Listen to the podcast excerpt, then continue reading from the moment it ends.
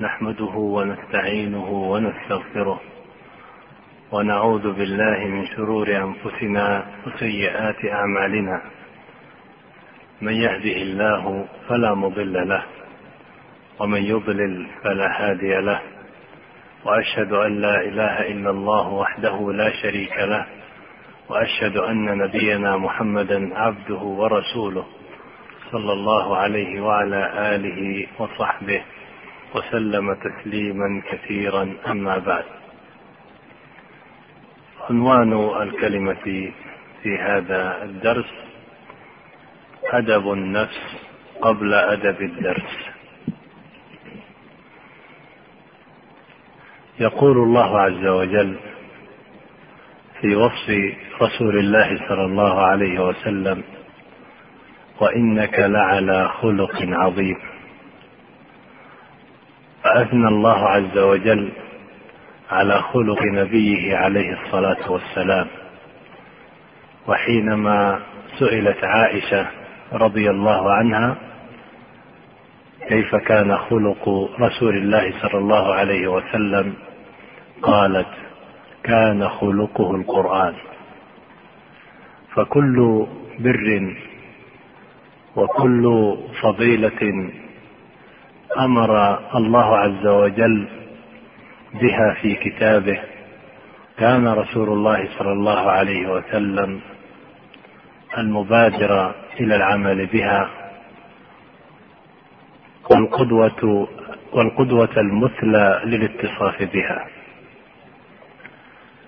فينبغي لطالب العلم أن يتخذ رسولنا صلى الله عليه وسلم قدوة في خلقه في معاملته للخلق في صبره في احتماله للأذى في شكره في تحليه بجميع محاسن الأخلاق.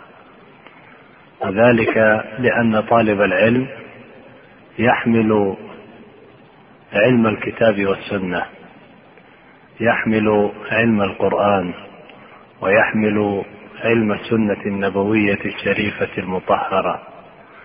فينبغي أن يكون متمثلا ومتصفا بهذه الآداب. يقول رسول الله صلى الله عليه وسلم أكمل المؤمنين ايمانا أحسنهم خلقا. وفي الحديث الآخر إن من أحبكم إلي وأقربكم إلي منزلة أحاسنكم أخلاقا. فيلزم طالب العلم أن يكون رفيع الخلق متصفا بمحاسن الأخلاق وبجميل الشيم بديع بعيدا عن مساوئ الأخلاق التي لا يجمل بالمسلم العادي أن يتصف بها فضلا من أن يتصف بها طالب العلم. وإن من ثمرة العلم أن يكون الطالب قد أثر عليه ذلك العلم. يقول بعض السلف لا يزال طالب العلم يطلب العلم حتى يظهر عليه في سمته وهديه. يكون قبل الطلب على صفة. فإذا طلب العلم وعرف ما في كتاب الله عز وجل وسنة نبيه صلى الله عليه وسلم من العلم والهدى يتغير إلى صفة أخرى. تظهر سمات ذلك عليه في سمته وهديه وحركاته وكلامه فيظهر أثر ذلك العلم عليه. لذلك كان يقال من أمر السنة على نفسه نطق بالحكمة من عمل بالسنة فإنه لا يخرج منه إلا جميل الكلام الكلام المحكم الذي يبتهج إلى سماعه سامعه ويستبشر المنصت إليه. وذلك لأن علم هذا الرجل بذلك العلم عمل هذا الرجل بذلك العلم آتى ثمرته وبدأ عليه وظهر فيتخذه الناس قدوة يقتدون به. وأما من يكون بخلاف ذلك فتفسد أخلاقه ويكثر ضجره. ويفحش كلامه وحركاته لا يضبطها ضابط ربما يصدر منه أي فعل.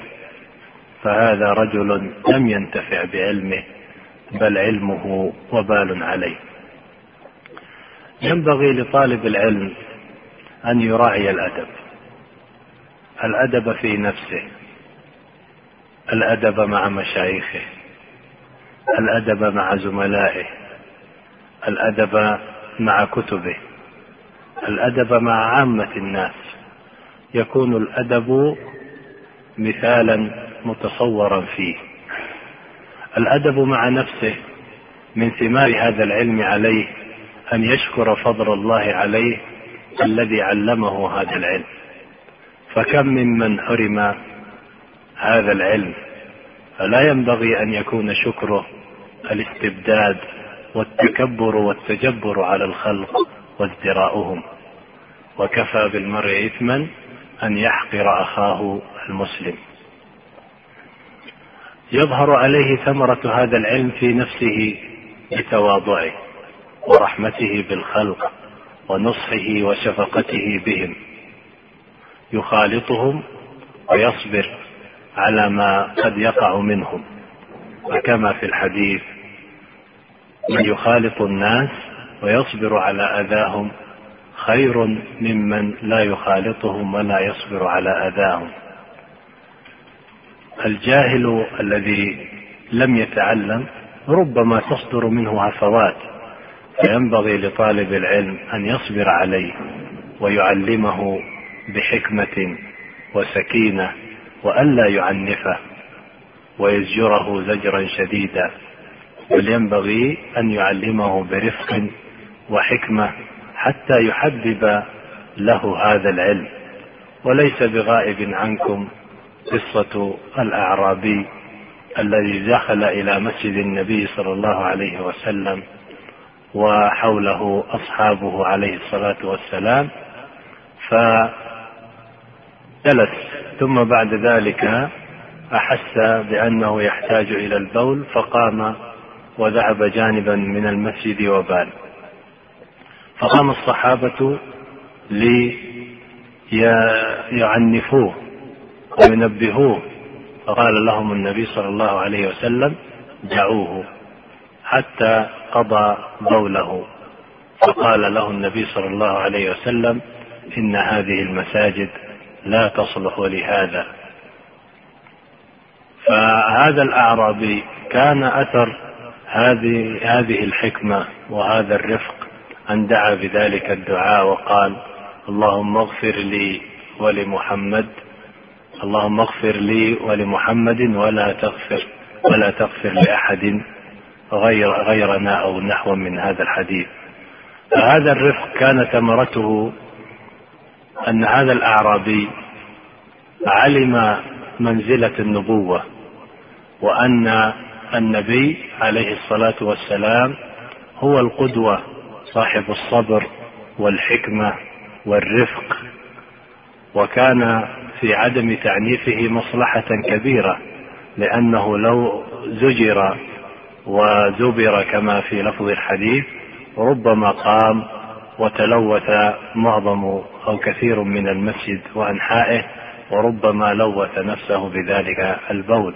فكانت المصلحة ما فعله النبي صلى الله عليه وسلم أن تركه حتى قضى بوله ثم بعد ذلك نصحه ووجه وعلمه أن المساجد إنما بنيت للصلاة ولذكر الله عز وجل ولم تبنى من أجل هذه الأفعال. ينبغي لطالب العلم أن يكون عاملا بعلمه. والا يتوانى في ذلك. إذا تعلم شيء يعمل به ولا يقصر فيه. فإن الناس يقتدون بالعمل أكثر من اقتدائهم بالقول. بل إذا وجدوا رجلا يخالف عمله قوله ازدروه وتألموا فيه ولم يكن لكلامه عندهم قبول. لأنهم يشككون فيه ويقولون لو كان علمه هذا صحيحا لانتفع بعلمه. مما يجمل بطالب العلم أن يتأدب مع مشايخه فيعرف لهم قدرهم ويوقرهم ويحترمهم ويدعو لهم في صلاته شكرا لما أسدوه إليه. فإن الشيخ الذي بذل علمه وبذل نفسه لهذا الطالب يقضي للطالب أن يشكر له كما في الحديث من صنع إليكم معروفا فكافئوه فإن لم تستطيعوا فادعوا له. ومن خير المعروف تعليم العلم وبثه ونشره. فينبغي لهذا الشيخ العالم أن يواجه بالتقدير والاحترام وألا يعمل معه الأعمال التي تضجره أو تتعبه حتى تخرجه عن طوره. فيحترم يدرس عليه في الأوقات التي تناسبه. يسأل بطريقة لبقة جيدة مع الدعاء له. تقضى له أشغاله. ينصت إليه ولا يتكلم في مجلسه. المهم أن الطالب ينبغي أن يتأدب مع شيخه. ويوقره غاية التوقير فإن ذلك من احترام العلم. أما أن يكون الشيخ مثلا يعلم ويدرس طلبه يتكلمون وطلبة يتخاصمون وبعضهم نائمون فهذا ليس من احترام العلم. فينبغي أن يعرف للعلم وللعالم قدره ومكانته. ينبغي لطالب العلم أن يستعمل الأدب مع زملائه.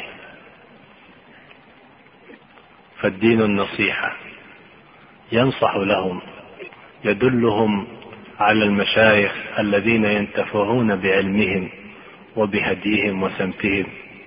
يدلهم على الكتب التي ينتفعون بقراءتها واقتنائها إذا احتاجوا منه عاريه كتاب ويعلم أنهم يصونونه من أن يقع فيه فساد فإنه يبذله لهم. يعينهم فيما يحتاجونه من أدوات وما شابه ذلك. وهناك قصة أمامي يذكرها السمعاني يمدح أحد رفقائه وزملائه. يقول السمعاني صاحب كتاب الأنساب عن زميل له اسمه معمر بن عبد الواحد ابن الفاخر الأصبهاني قال شاب كيس. يعني ذكي. حسن العشرة والصحبة. سخي متودد. يراعي حقوق الأصدقاء ويقضي حوائجهم. أكثر أكثر أو أكثر ما سمعت بأصبهان كان بإفادته. كان يدور معي من الصباح إلى الليل على الشيوخ. شكر الله سعيه ثم كان ينفذ إلي بالأجزاء لأنسخها ويكتب إلي بوفاة الشيوخ. انظروا حسن الصحبة وحسن الرفقة ماذا أثمر؟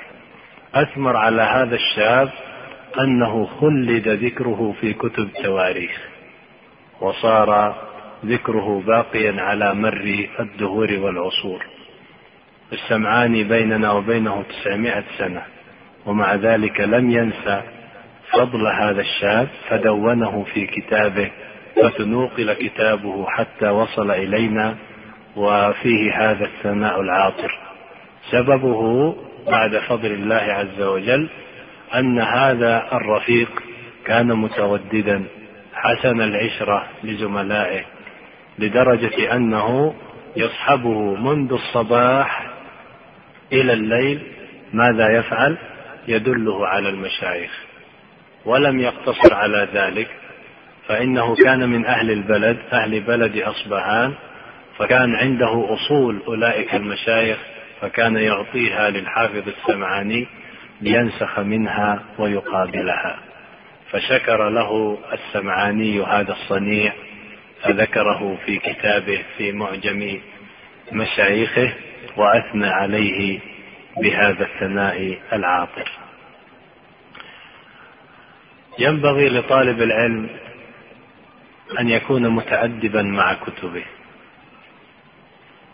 يستعمل الأدب مع الكتاب. كيف ذلك؟ اولا في اقتناء ما يهمه وما ينتفع به فإن بعض الكتب تكون قليل الفائدة قليلة الثمرة. فينبغي لطالب العلم أن يقتني من الكتب أفودها وأنفعها فائدة.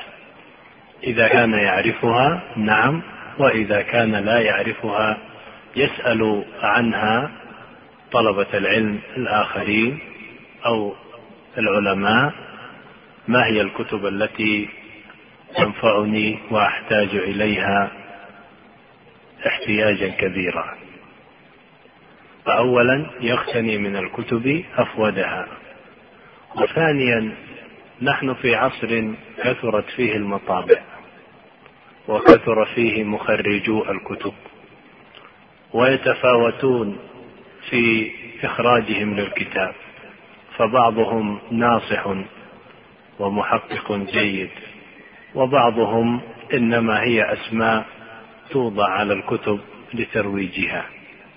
فينبغي للطالب أن يختار من الكتب من كتب التراث ما خدم خدمة لائقة به من حيث ضبطه ومقابلته. وقلة ما يقع فيه من الأخطاء والتصحيفات. هذا جانب. ومن الأدب مع الكتاب أن يصونه طالب العلم من أن يوضع في غير المكان اللائق به. يلقى على الأرض في البيت ربما يأتي الأطفال يدوسونه بأرجلهم. أو يرمونه أو يتقاذفونه أو يمزقونه. بل ينبغي أن يضع الكتاب في موضعه اللائق به بحيث لا يناله يد غيره فتفسد فيه. من طريف ما يذكر يقول بعض أهل العلم لا تجعل الكتاب صندوقا ولا تجعله بوقا. يعني لا تجعل الكتاب مخبأ لأوراقك. كلما كان عندك ورقة تريد أن تحفظها تجعلها في مجلد من المجلدات. حتى إن الورقة الفلانية في شرح النووي على مسلم والورقة الأخرى في فتح الباري. والورقة الثالثة في رياض الصالحين والورقة الرابعة إلى آخره. فتصبح الكتب صناديق لحفظ الأوراق أو بعضهم حتى لحفظ النقود. وهذا لا يجمل مع استعمال الأدب مع الكتاب. ولا أيضا تجعله بوغا بحيث أن الطالب إذا كان معه كتاب غير مجلد ويسهل ثنيه تجده يثنيه يثنيه حتى يجعله بصورة البوق. فإن هذا يؤثر على الكتاب ويهلهل ورقة حتى يسهل تمزيقه. ويكون الكتاب بصورة غير مريحة في أثناء القراءة. مما ينبغي لطالب العلم أن يستعمل الأدب مع عامة الناس. فيتواضع لهم. فإن الله عز وجل الذي وهبه هذا العلم أمره بالتواضع وعدم التكبر والتجبر. فيستعمل الأدب معهم أيضا بالإنصات لحوائجهم. إذا كان أحدهم عنده مسألة أو فتوى لا يعرف أمرا من أمور صلاته أو أمرا من أمور وضوئه أو استشكل أمرا من أمور العقيدة. ينبغي على الطالب طالب العلم أن أن يفيد هذا العامي وينصحه بشفقة وإخلاص ويعلمه ما قد يكون جهل من تلك المسائل.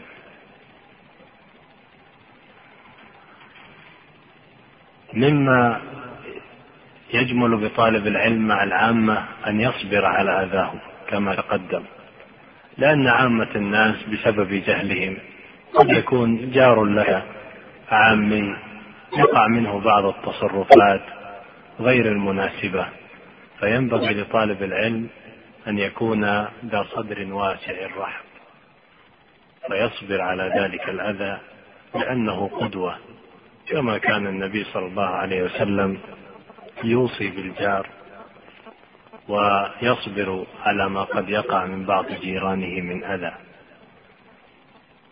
فيصبر طالب العلم على العامة ولا يتضجر. أيضا لا يسمع منه العامة إلا خير الكلام. لا يسمعون منه الفحش والكلام البذيء. فإنه لا يجمل لطالب العلم أن يصدر منه فحش وكلام بذيء.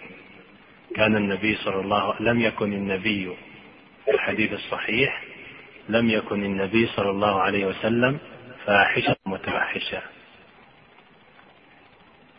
فيجمل بطالب العلم أن لا يسمع منه العامة ولا غيرهم فحشا وكلاما بذيئا حتى وإن غضب. إذا غضب يكظم غيظه ويستعيذ بالله من الشيطان الرجيم ويسكت. فإنه لو صدر منه شيء من ذلك أثر عليه وربما كان وصمة يصم بها العامة بعض طلبة العلم.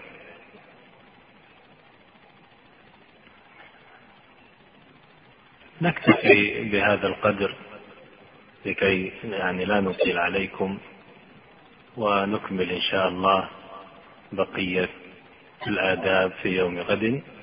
وصلى الله وسلم على نبينا محمد وعلى آله وصحبه. تسجيلات إيلاف الإسلامية. عنوان كلمة هذا اليوم في آداب طالب العلم معرفة مراتب العلوم. هناك كلمة قديمة للحافظ الإمام الفقيه الشافعي رحمه الله تعالى فيها إشارة إلى ما نحن بصدده.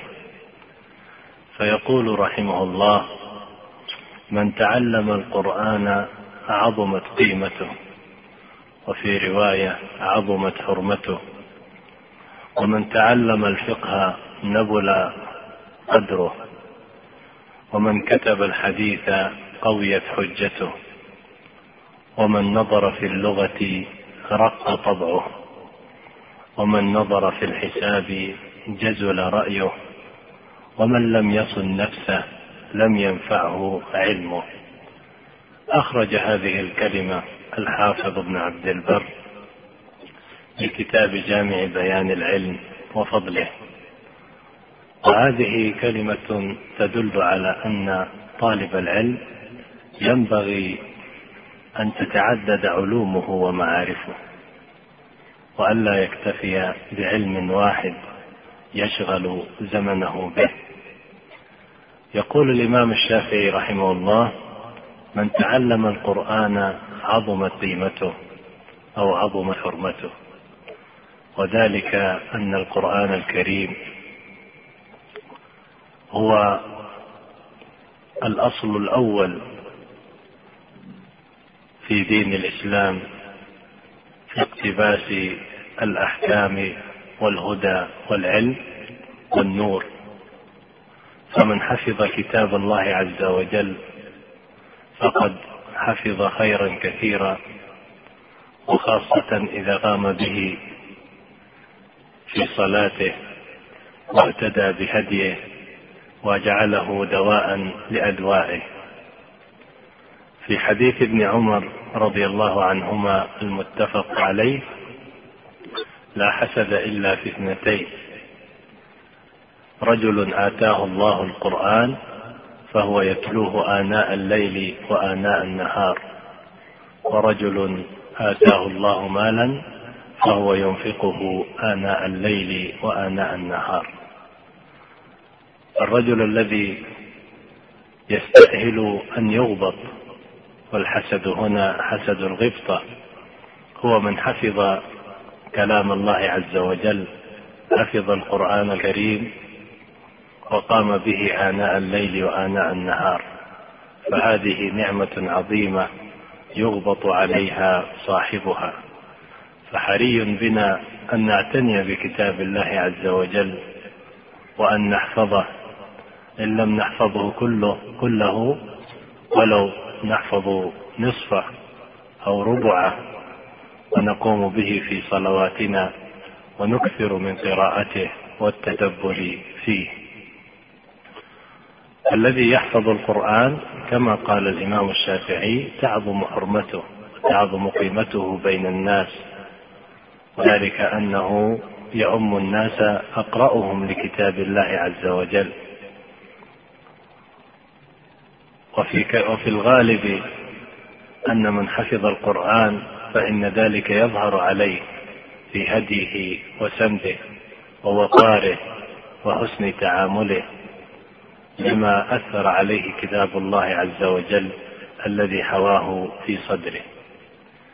ثم يقول الإمام الشافعي رحمه الله تعالى ومن تعلم الفقه نبل قدره ولذلك في الحديث الصحيح من حديث معاوية رضي الله عنه عن رسول الله صلى الله عليه وسلم قال من يرد الله به خيرا يفقهه في الدين فمن تفقه في دين الله عز وجل علم علم الفقه فعلم ما يلزمه من العبادات والمعاملات وتبصر في ذلك فليعلم أنه إذا عمل بما علم أنه ممن أراد الله به خيرا.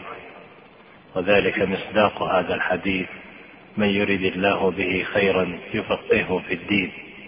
فلذلك ينبل قدر الفقيه.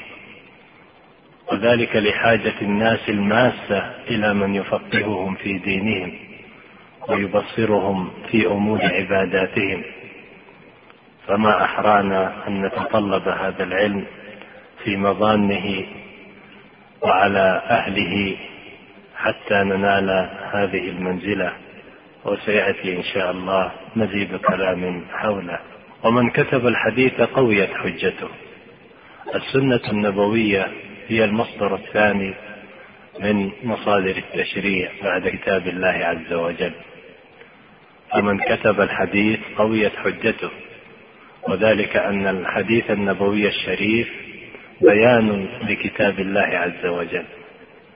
أمرنا بإقامة الصلاة وأمرنا بأداء الحج لكن تفاصيل ما يتعلق بالصلاة عدد ركعاتها وكيفيتها وأذكارها إنما جاء في السنة النبوية لأن السنة بيان للقرآن الكريم.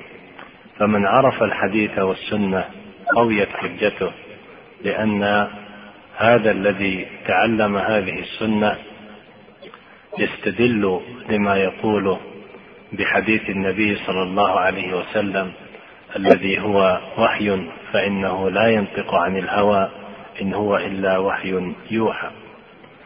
ومن نظر في اللغة رق طبعه.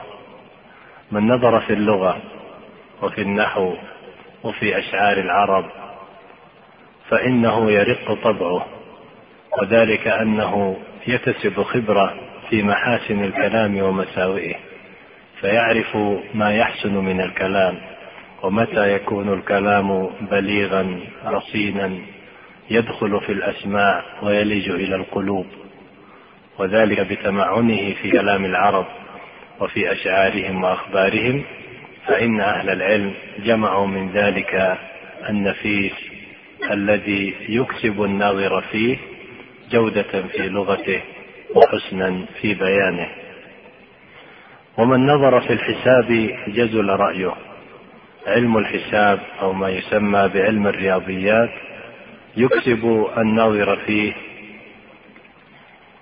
سرعة في البديهة وينمي له بداءة فيجزل رأيه بسرعة بديهته ونمو عقله. ومن لم يصن نفسه لم يصنه علمه. آخر هذه الكلمة وصية لطالب العلم أنه صن نفسك ليصونك العلم. احفظ نفسك من أن تتلطخ بشيء من الأوزار والمعاصي ومما يخرم مروءتك. وينقص من قدرك من الأفعال التي لا تجمل بطالب العلم. فينبغي لطالب العلم أن يصون نفسه ليصونه علمه وليصون علمه. فإنه أحرز خيرا كثيرا وفضلا كبيرا. فينبغي له أن يحرز هذا الفضل بأن يتصف بمحاسن الأخلاق وجميل العادات ليكون ذلك نورا على نور. هذه الكلمة من الإمام الشافعي تبين لنا منزلة العلوم وأن طالب العلم لا يستغني عن أن يكون أن تكون له مشاركة في العلوم المتنوعة. وإذا أردنا أن نتكلم على العلوم التي ينبغي لطالب العلم أن يقوم بها فعلى رأسها حفظ كتاب الله عز وجل كما تقدم. وخاصة لمن كان في مقتبل العمر فإن الحفظ في الصغر كالنقش على الحجر.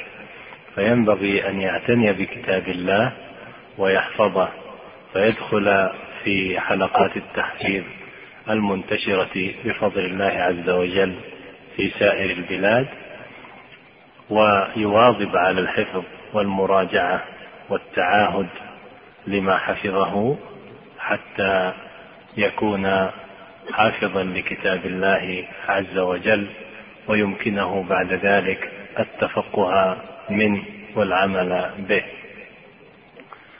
من العلوم التي ينبغي للطالب أن يعتني بها علم العقيدة أو علم التوحيد. وهذا العلم له تدرج فيحسن بالطالب أن يتدرج فيه بدراسة متن الأصول الثلاثة. أولا معرفة المرء لربه ولدينه ولرسوله صلى الله عليه وسلم. ثم بعد أن يدرسها على شيخ ويأخذها عنه ينتقل إلى دراسة متن أوسع. كالواسطية لشيخ الإسلام ابن تيمية فإنها حوت من أصول العقيدة السلفية أصولا جامعة لا يستغني عنها طالب معرفة معتقد أهل السنة والجماعة الفرقة الناجية. ثم ينتقل بعد ذلك إلى كتاب التوحيد للشيخ محمد بن عبد الوهاب فإنه من أجمع الكتب في توحيد العبادة الذي هو التوحيد الذي أرسل به الرسل وأنزلت من أجله الكتب. ولذلك يقول الله تعالى وما خلقت الجن والإنس إلا ليعبدون وهذا الكتاب من أعظم الكتب نفعا في هذا الجانب. إذا درس طالب العلم هذه الكتب له أن ينتقل بعد ذلك إلى ما هو أوسع بشرح العقيدة الطحاوية لابن أبي العز والكتب المتخصصة في بعض المسائل كالتدمرية لشيخ الإسلام ابن تيمية والحموية كذلك أو الكتب المتقدمة ويجمع إلى ذلك القراءة في الكتب المتقدمة التي صنفها المتقدمون من أهل العلم كالحافظ الآجري في كتابه الشريعة والحافظ اللالكائي في كتابه شرح اعتقاد أهل السنة والجماعة. فهذه الكتب لمن سبق أن حفظ الواسطية والأصول الثلاثة وكتاب التوحيد فإنها عظيمة النفع تربطه بعلم السلف وما كانوا عليه من معتقد ورد على أهل البدع وبيان ما كانوا عليه من ضلال. من العلوم التي ينبغي لطالب العلم أن يعتني بها علم الفقه ويحسن به أن يجمع بين دراسة علم الفقه عن طريق دراسة متن في مذهب من المذاهب. التي تعتني بالاستدلال تعتني ببيان الأدلة من الكتاب والسنة كالمذهب الحنبلي والمذهب الشافعي فإن لهم عناية كبيرة ببيان الأدلة وبيان الصحيح والضعيف منها. ويجمع إلى ذلك دراسة الفقه من خلال شروح الحديث شروح متون الحديث كمثل متن عمدة الأحكام للحافظ عبد الغني المقدسي أو بلوغ المرام للحافظ ابن حجر. يدرس هذه المتون على أهل العلم المتخصصين فيها الذين يوضحون له غامضها ويجلون له مشكلها ويبينون مجملها. من العلوم التي ينبغي لطالب العلم أن يشتغل بها علم أصول الفقه فإنه دليل المتفقه وآلة التفقه فإن فيه من القواعد والتأصيلات التي تعين طالب العلم على التفقه الصحيح والتمييز بين دلالات الأدلة ومعانيها وأيها يقدم. ومتى يحصل التخصيص والنسخ والتقييد وغير ذلك من الأمور التي في هذا العلم الجليل. ومن أحسن المتون للمبتدئين كتاب الورقات لإمام الحرمين الحرمين الجويني أو بعض منظوماته كنظمه للعمريطي.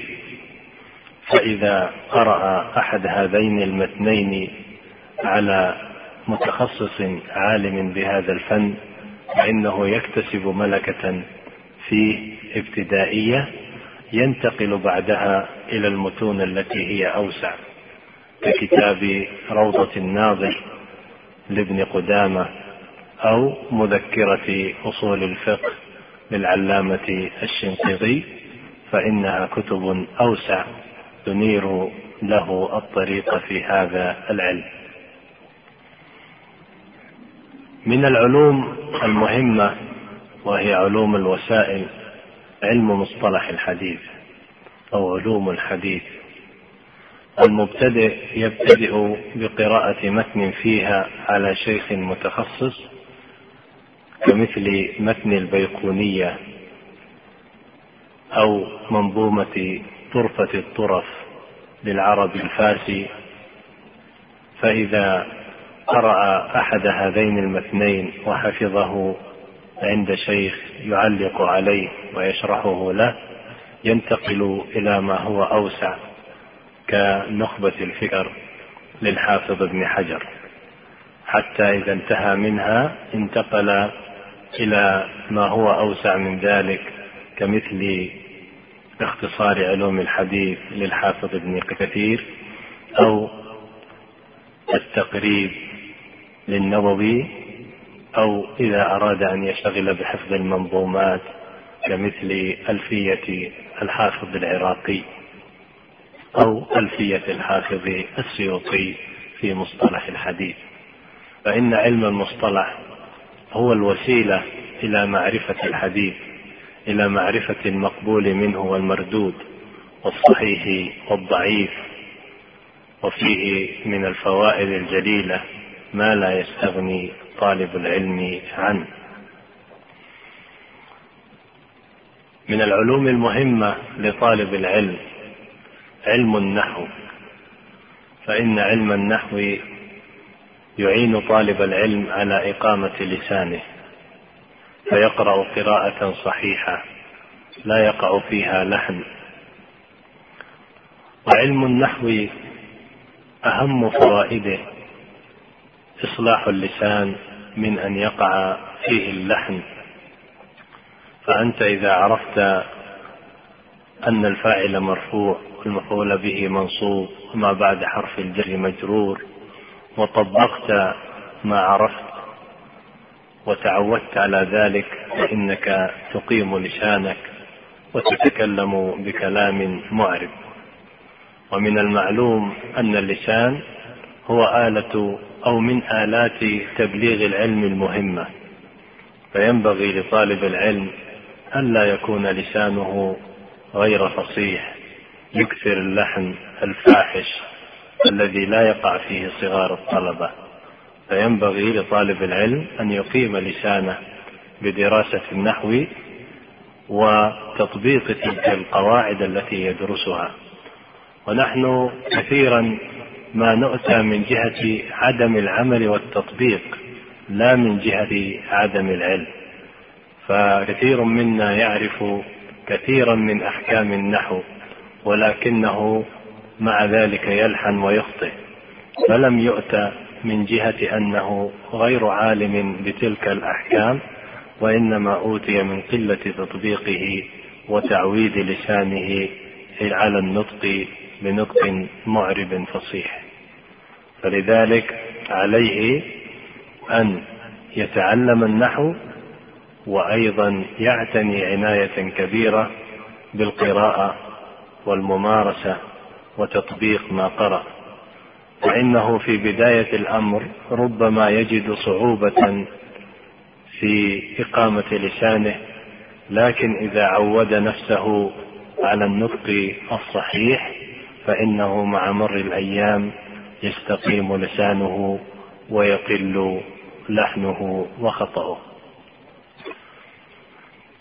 جرت عادة أهل العلم في دراسة النحو أن يبدأوا بمتن الآج الرومية وهو متن مختصر نثري مشهور ثم بعد أن يحكموه ينتقلوا إلى ثم بعد أن يحكموه ينتقلون إلى ملحة الإعراب وهو متن منظوم للعلامة الحريري صاحب كتاب المقامات. ثم ينتقلون إلى ألفية ابن مالك. والنحو كما سبق له فوائد. أولها إصلاح اللسان وقد تقدم الكلام عليه. وثانيها فهم كتاب الله عز وجل وحديث النبي صلى الله عليه وسلم. فهم كتاب الله عز وجل فهما صحيحا وحديث النبي صلى الله عليه وسلم فهما صحيحا قويما. وذلك لأن القاعدة عند أهل اللغة يقولون الإعراب فرع فرع المعنى. فأنت إذا عرفت إعراب الكلام عرفت معناه. وإذا لم تعرف إعرابه ربما غمض عليك معناه. فهذه من الفوائد المهمة التي يجنيها الطالب من التوسع في علم النحو. أما إقامة اللسان فإنه يكفيه معرفة بعض القواعد اليسيرة التي يتضمنها مثل كتاب العاج الرومية. وأما فهم دلالات ومعاني الكتاب والسنة فهذا يحتاج إلى تعمق في علم النحو حتى يدرس ألفية ابن مالك ولربما يزيد عليها في بعض الأشياء. يحفظها ويدرسها ويحاول أن يعود نفسه إعراب ما يمر به من آيات أو من أحاديث حتى يكون عارفا مطبقا لما تعلمه من هذا العلم. هذه العلوم الآنف ذكرها علم العقيدة وعلم الفقه وعلم الأصول وعلم المصطلح وعلم النحو. هذه من أصول العلوم أو أصول العلوم التي ينبغي للطالب أن يشارك فيها وإذا جهلها كان فيه قصورا كان فيه قصور كبير.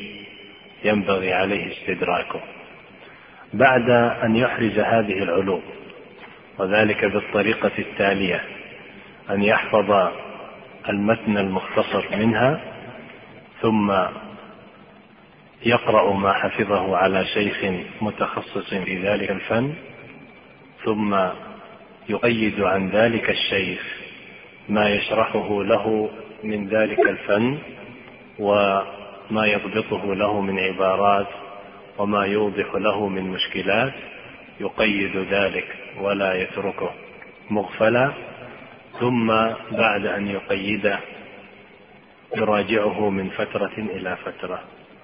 بهذا يحذق أو يحذق في هذه المتون ويكون له دراية ومعرفة بها تؤهله لأن يشارك ويتخصص في متون أخرى. إذا بلغ هذه المنزلة فله بعد ذلك أن يتخصص في فن من الفنون. فإذا كان ميله إلى علم الحديث مثلا فإنه يحتاج إلى دراسة أوسع. فينتقل إلى دراسة الصحيحين وبقية الكتب الستة والتوسع في علم مصطلح الحديث من خلال فروعه المتخصصة كعلم الجرح والتعديل وعلم التخريج ودراسة الأسانيد. نعم ويتوسع في القراءة في شروح الحديث الكبيرة كمثل شرح مسلم للنووي وشرح آه، البخاري للحافظ ابن حجر وشرح سنن أبي داود للخطابي وغير ذلك من الشروح التي لا يستغني طالب الحديث المتخصص من أن يمر عليها ويقيد ما يضر به من مسائل يحتاج إليها. وإذا كان ميله إلى التخصص في الفقه فإنه يتوسع في دراسة الفقه وينتقل إلى متون أدق وأوسع كلمتن الزاد في الفقه الحنبلي أو متن المهذب والتنبيه في الفقه الشافعي. أو متن الرسالة في الفقه المالكي ويتوسع في فن الفقه من خلال دراسة هذه المتون الواسعة ويضيف إلى ذلك دراسة القواعد الفقهية وغيرها من الفنون التي يحتاج فيها إلى زيادة علم ومعرفة ليتخصص ويكون فقيها مرجعا في هذا الفن. وإذا كان له ميل إلى التفسير فإنه بعد حفظه لكتاب الله عز وجل ودراسته للنحو بتوسع وبقية الفنون السابقة فإنه يقرأ في كتب التفاسير المختلفة بحسب أنواعها التفسير بالمأثور كتفسير ابن جرير أو ابن كثير أو التفسير الذي يعتني ببيان أحكام القرآن كتفسير القرطبي وكتاب أحكام القرآن لابن العربي أو التفاسير التي تعتني باللغة والنحو كالبحر المحيط لأبي حيان. هذه نظرة سريعة ومرور سريع بالفنون التي يحتاج إليها طالب العلم رغبت في التنبيه عليها ليكون ذلك تذكرة لي ولكم ليتسنى لنا الاعتناء بهذا العلم والقيام بحقه والجد في طلبه وسؤال الله عز وجل والتضرع إليه أن يثبتنا وإياكم على كل خير وصلى الله وسلم على نبينا محمد وعلى آله وصحبه. انتهت مادة هذا الشريط حيث أنه بقي في الشريط متسع يسرنا إتمامها. بسم الله الرحمن الرحيم. لقد أصبحت الأمة الآن قصعة مستباحة لكل أمم الأرض وطمعت الأمة الضعيف قبل القوي والقاصي قبل الداني والذليل قبل العزيز. تسجيلات إلاف الإسلامية للإنتاج والتوزيع في الكويت. تقدم. أزمة أمة. أين أخلاق الإسلام في الأمة؟ أين الوفاء؟ أين الصدق أين الإخلاص؟ أين الرجولة؟ أين الأمانة؟ أين الشهامة؟ أين الوفاء بالوعد؟ أين الوفاء بالعهد؟ أين أخلاق النبي صلى الله عليه وسلم في الأمة؟ وإنك لعلى خلق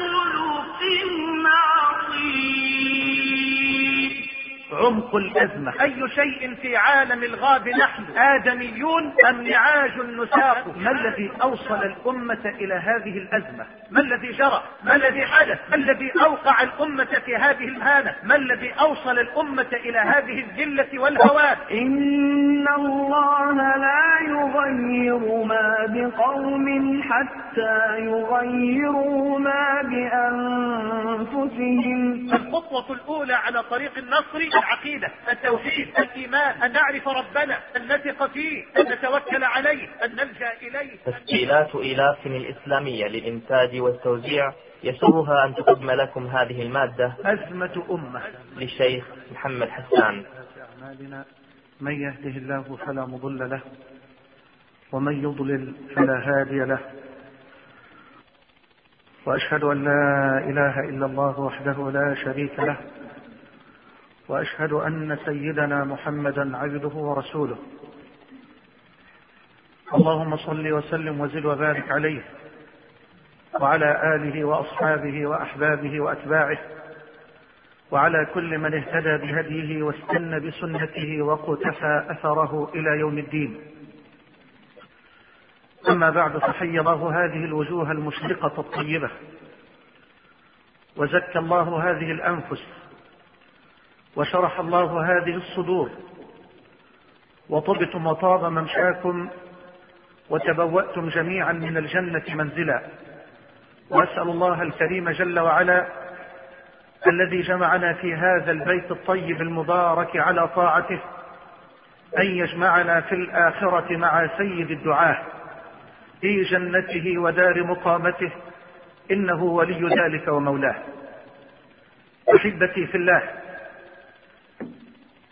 أزمة أمة. هذا هو عنوان محاضرتنا مع حضراتكم في هذه الليلة الكريمة الطيبة. وكعادتي حتى لا ينسحب بساط الوقت سريعا من تحت أقدامنا فسوف ينتظم حديثي مع حضراتكم في هذا الموضوع المهم في العناصر المحددة التالية. أولا عمق الأزمة.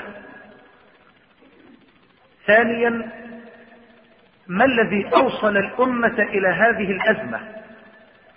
ثالثا ما المخرج؟ وأخيرا لا تيأسوا فالصبح من رحم الظلماء مسراه. فاعيروني القلوب والأسماع.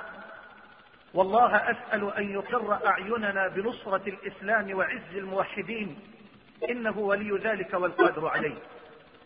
اولا عمق الأزمة. أحبتي في الله إن الصراع بين الحق والباطل قديم بقدم الحياة على ظهر الأرض.